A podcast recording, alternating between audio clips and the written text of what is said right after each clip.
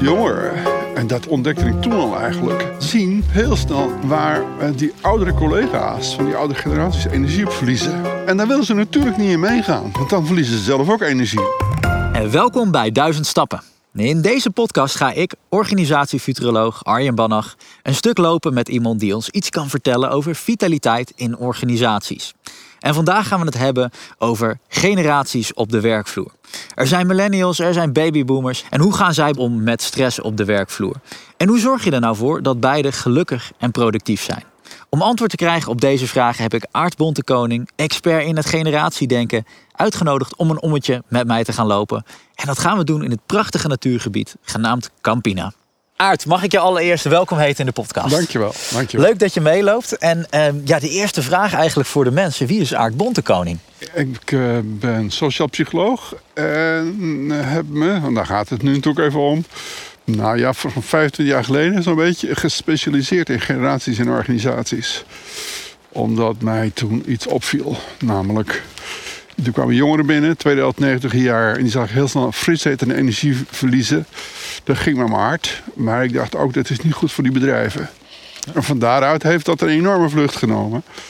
Um, en heb ik me daar helemaal in gespecialiseerd. En uh, ik woon hier vlak bij de Campina. Ja. Prachtig. En, en, was het nou specifiek iets bij die wat jongere generatie die, waarbij dat gebeurde? Of gebeurde dat ook bij de oudere generatie? Nou, dat zag ik toen nog niet. Nee. Maar... Uh, dus dat, eh, dat zie ik nu wel. Dat is waanzinnig, dat is, ja, waanzinnig interessant. Dat jongeren, en dat ontdekte ik toen al eigenlijk, heel snel zien waar uh, die oudere collega's van die oudere generaties energie op verliezen. Ja. Um, en daar willen ze natuurlijk niet in meegaan, want dan verliezen ze zelf ook energie. Dus wat ze willen is juist iets anders doen. Niet zoals zij dat doen, zeg maar, die, die uh, verouderde processen in. Ja. Dus ik heb toen niet alleen gekeken van, goh, hoe komt dat nou eigenlijk? Mm -hmm. Maar ook gekeken naar, is er wat aan te doen? Ja. Nou, dat zag je heel snel. Dat ik die jongste generatie stimuleerde om e-, een echt project, want als ik praat over onderzoek, heb ik het onderzoek met organisaties, in organisaties, op de werkvloer. Dat ik de jongeren stimuleren om een project aan te pakken. Waar ze uh, op een manier waar ze heel veel energie van kregen, dan deden ze dat heel anders dan uh, de zittende generaties. Ja, ja, ja, ja, ja. En iedereen kreeg er energie van, ook die oudere collega's. En iedereen kreeg er energie van? Ja. Oké, okay, dus, dus door te beginnen bij de jongere generatie kreeg iedereen er energie van? Door de jongere generatie te stimuleren om een project of een vergadering, ook gedaan, aan te pakken op een manier waar zij energie van krijgen, ja. ontstond er een andere manier van werken. Nou zou ik zeggen, de update komt tevoorschijn. En dan kregen de oudere generaties ook energie van. Dus ik dacht, ik heb goud in handen. Ja. maar niemand stond er open voor. Ja. Toen. Dus als ik het een beetje goed begrijp, Aart, dan uh, heeft die jongere generatie, uh, laat die eigenlijk eerder iets zien op het moment dat ze ergens tegenaan lopen of als hun verwachtingen ten aanzien van het werk niet worden ingewilligd. En die, die laten dat misschien sneller zien dan de wat oudere generatie? Is dat? Of... Nee hoor. Dat niet? Nee. Nou ja, het verschil is als jongeren in een bedrijf binnenkomen, zijn ze nog fris natuurlijk. Ja. En uh, zien ze het snelste. Dus als ik, ik heb nou, ik denk wel honderd sessies gedaan met uh, uh, millennials in allerlei verschillende bedrijven. Ja. Nou, in een uurtje tijd heb je haarscherp. Waar iedereen energie verliest. En vitaliteit verliest dus. Ja. En werkgeluk verliest. Allemaal hetzelfde. En ze kunnen ook redelijk goed aangeven als ik ze laat nadenken over waar krijg je nou wel energie van in zo'n specifieke situatie. Dan zien ze ook wel waar een update zitten. Ja. Die updates zijn altijd anders dan hoe, hoe zo'n organisatie dat doet. En het gaat echt over besluitvormen, op de manier van veranderen, op de manier van vergaderen enzovoort. Oké, okay, dat is interessant. En, en dat ze zeggen, dat doe je dus met millennials. En hoe werkt dat dan op het moment dat je dat met een iets oudere generatie zou gaan doen? Hetzelfde. Hetzelfde. Dus, dus, dus, Alleen, die, waar, daar zitten generatieverschillen in. Iedere ja. generatie draagt andere updates in zich mee. Ik weet inmiddels ook waar die vandaan komen. Ja. Dus uh, als een generatie binnenkomt in een organisatie, hebben ze updates uh, bij zich die precies de gedateerde sociale processen op dat moment kunnen opfrissen. Ja. Uh, nee, dat, dat, is een soort. Eigenlijk, we lopen in de natuur. Ja. Het is eigenlijk een soort natuurverschijnsel. Mooi. En een blinde vlek in de meeste organisaties. Ja. Nou, Gezond eten, sporten, hartstikke belangrijk. Maar dan hebben ze dus niet in de gaten dat die gedateerde processen heel veel energie wegnemen. Ja. ja. En, en je kunt dat snel met ze onderzoeken. Ondertussen steken we even een paraplu op aard, want het begint te hagelen. Maar zo lopen we, zo lopen we toch, eh, In de natuur. toch, lopen we toch in de natuur. Dus dat hoort erbij. We gaan rustig verder. En de, want zon, dit- en de zon schijnt ook. en de zon schijnt ook, dus wie weet zien we zo meteen nog wel een regenboog. Ehm, maar nog even een vraag, eh, dan gaan we even terug. Als we het hebben over generaties. Hè, want we hebben het nu over wat jongeren, wat ouderen. Volgens, die generaties hebben volgens mij ook een naam die je ook regelmatig gebruikt. Ja. En kan je iets vertellen over hoe oud die ongeveer zijn, die verschillende Oh, de- generaties? De, millennials, waar heel veel belangstelling voor is op dit moment. Ja. Die zijn geboren in 1985 en 2000. Uh-huh. En daarvoor zit de pragmatische generatie, geboren in 1970, 1985. Dat was de aanleiding van mijn onderzoek. Oké. En ik zit nu minder in vervolgonderzoek naar de generatie Z, want die komt eraan. Waanzinnig interessant. En die zijn geboren tussen 2000 en 2015. Oké. En maak je borst van nat. Maar, Oké, daar da, da, daar even een mooi, al een vast mooi voorproefje. po- Daar- bedoel ik positief, hè? Ja. Oké, maar daar wil ik het dan zo meteen nog even over hebben. Wat, wat je net interessant zei, eh, het zijn verschillende generaties. Op zich verschillen ze helemaal niet zoveel van elkaar, want ze hebben allemaal goede ideeën over hoe het werk beter kan, over hoe je vitaliteit meer kan krijgen in organisaties. Stel hun die vraag en ze Maar het gaat komen niet om met mooie ideeën, antwoorden. antwoorden. Nee, oké. Het gaat om doen. Het gaat om doen. Ja, maar lopen, hè? dit gaat ook over doen. Het gaat Ja. echt om doen. Dus die, dat, die ideeën opschrijven en uitwisselen, het lijkt ook wel verouderd. Dus op het moment dat je jongeren, de millennials van nu ondersteunt om hun werk te doen op een manier waar ze energie van krijgen, Ja. weet je van tevoren niet goed wat eruit komt. Maar als je als ervaren ook energie van krijgt, dan ga je samen gezonde grenzen over. Ja. En, eh, en bij, want het- we hebben het over millennials, maar de belangrijkste groep hebben we nog niet genoemd. ja. Dat zijn de 50-plussers, zeg maar, geboren tussen 1955 en 1970. De De, babyboomers? de verbindende generatie. Ja, voor een deel babyboomers. Ja. En eh, ja, die, die, die, die groep.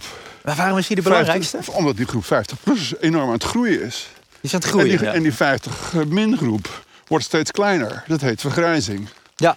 En die vergrijzing die, die gaat de komende decennia door. En veel van die 50-plussers, 55-plussers... beginnen zich af te vragen of ze nog wel volhouden. Ja. Nou, dat komt, als ze het niet volhouden, als die vraag opkomt, is de oorzaak vaak dat ze zo vastzitten in van die verouderde processen, Uh-huh. die die jongeren wel willen updaten en waar ze die ervaren mensen voor nodig hebben, dat dat wel even zoeken is hoe je ze eruit kan krijgen. Niet omdat ze niet willen, maar omdat ze, ja, joh, als je twintig jaar op een bepaalde manier vergaderd hebt, bijvoorbeeld bij een vakbond of Ja. Bij een zorgorganisatie of in het onderwijs, je hebt je zo de neiging om daarmee door te gaan. En dan komt er in één keer een jonge hond en die zegt: Nee, het kan anders. Ja, dan, dan sta je natuurlijk niet gelijk te springen om daarin in mee te gaan. Ja, dat is een groot misverstand. Die, die, die... Een soort misverstand dat soms met jongeren eh, aanwezig is. Die zeggen dan, ja, die oude collega's die willen niks veranderen. Ik zeg, heb je het wel eens aan ze gevraagd? Nee, nooit gevraagd. Nou, kom op, gaan we het ze vragen. Ja, Nou, die voelden zich eh, vals beschuldigd.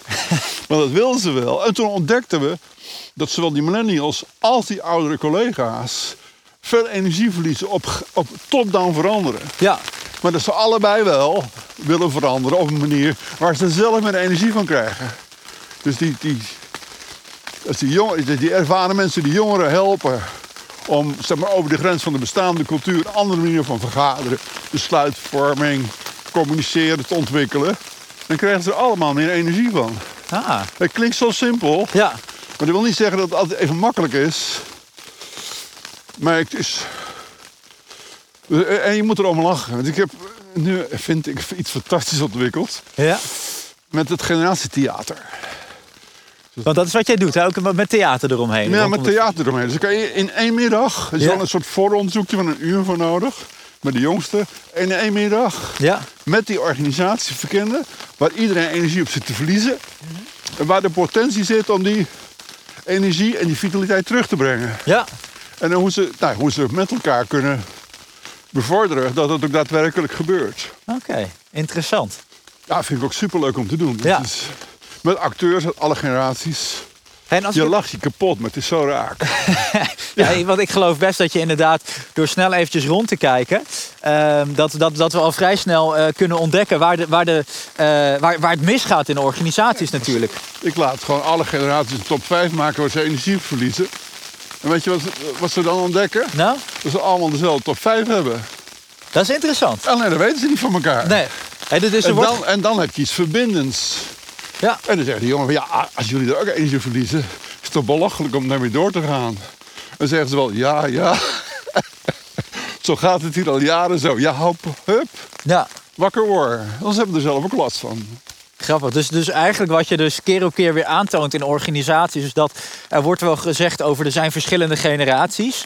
maar vraag je nou aan hun, ja, waar loop je tegenaan? Wat zou er moeten veranderen?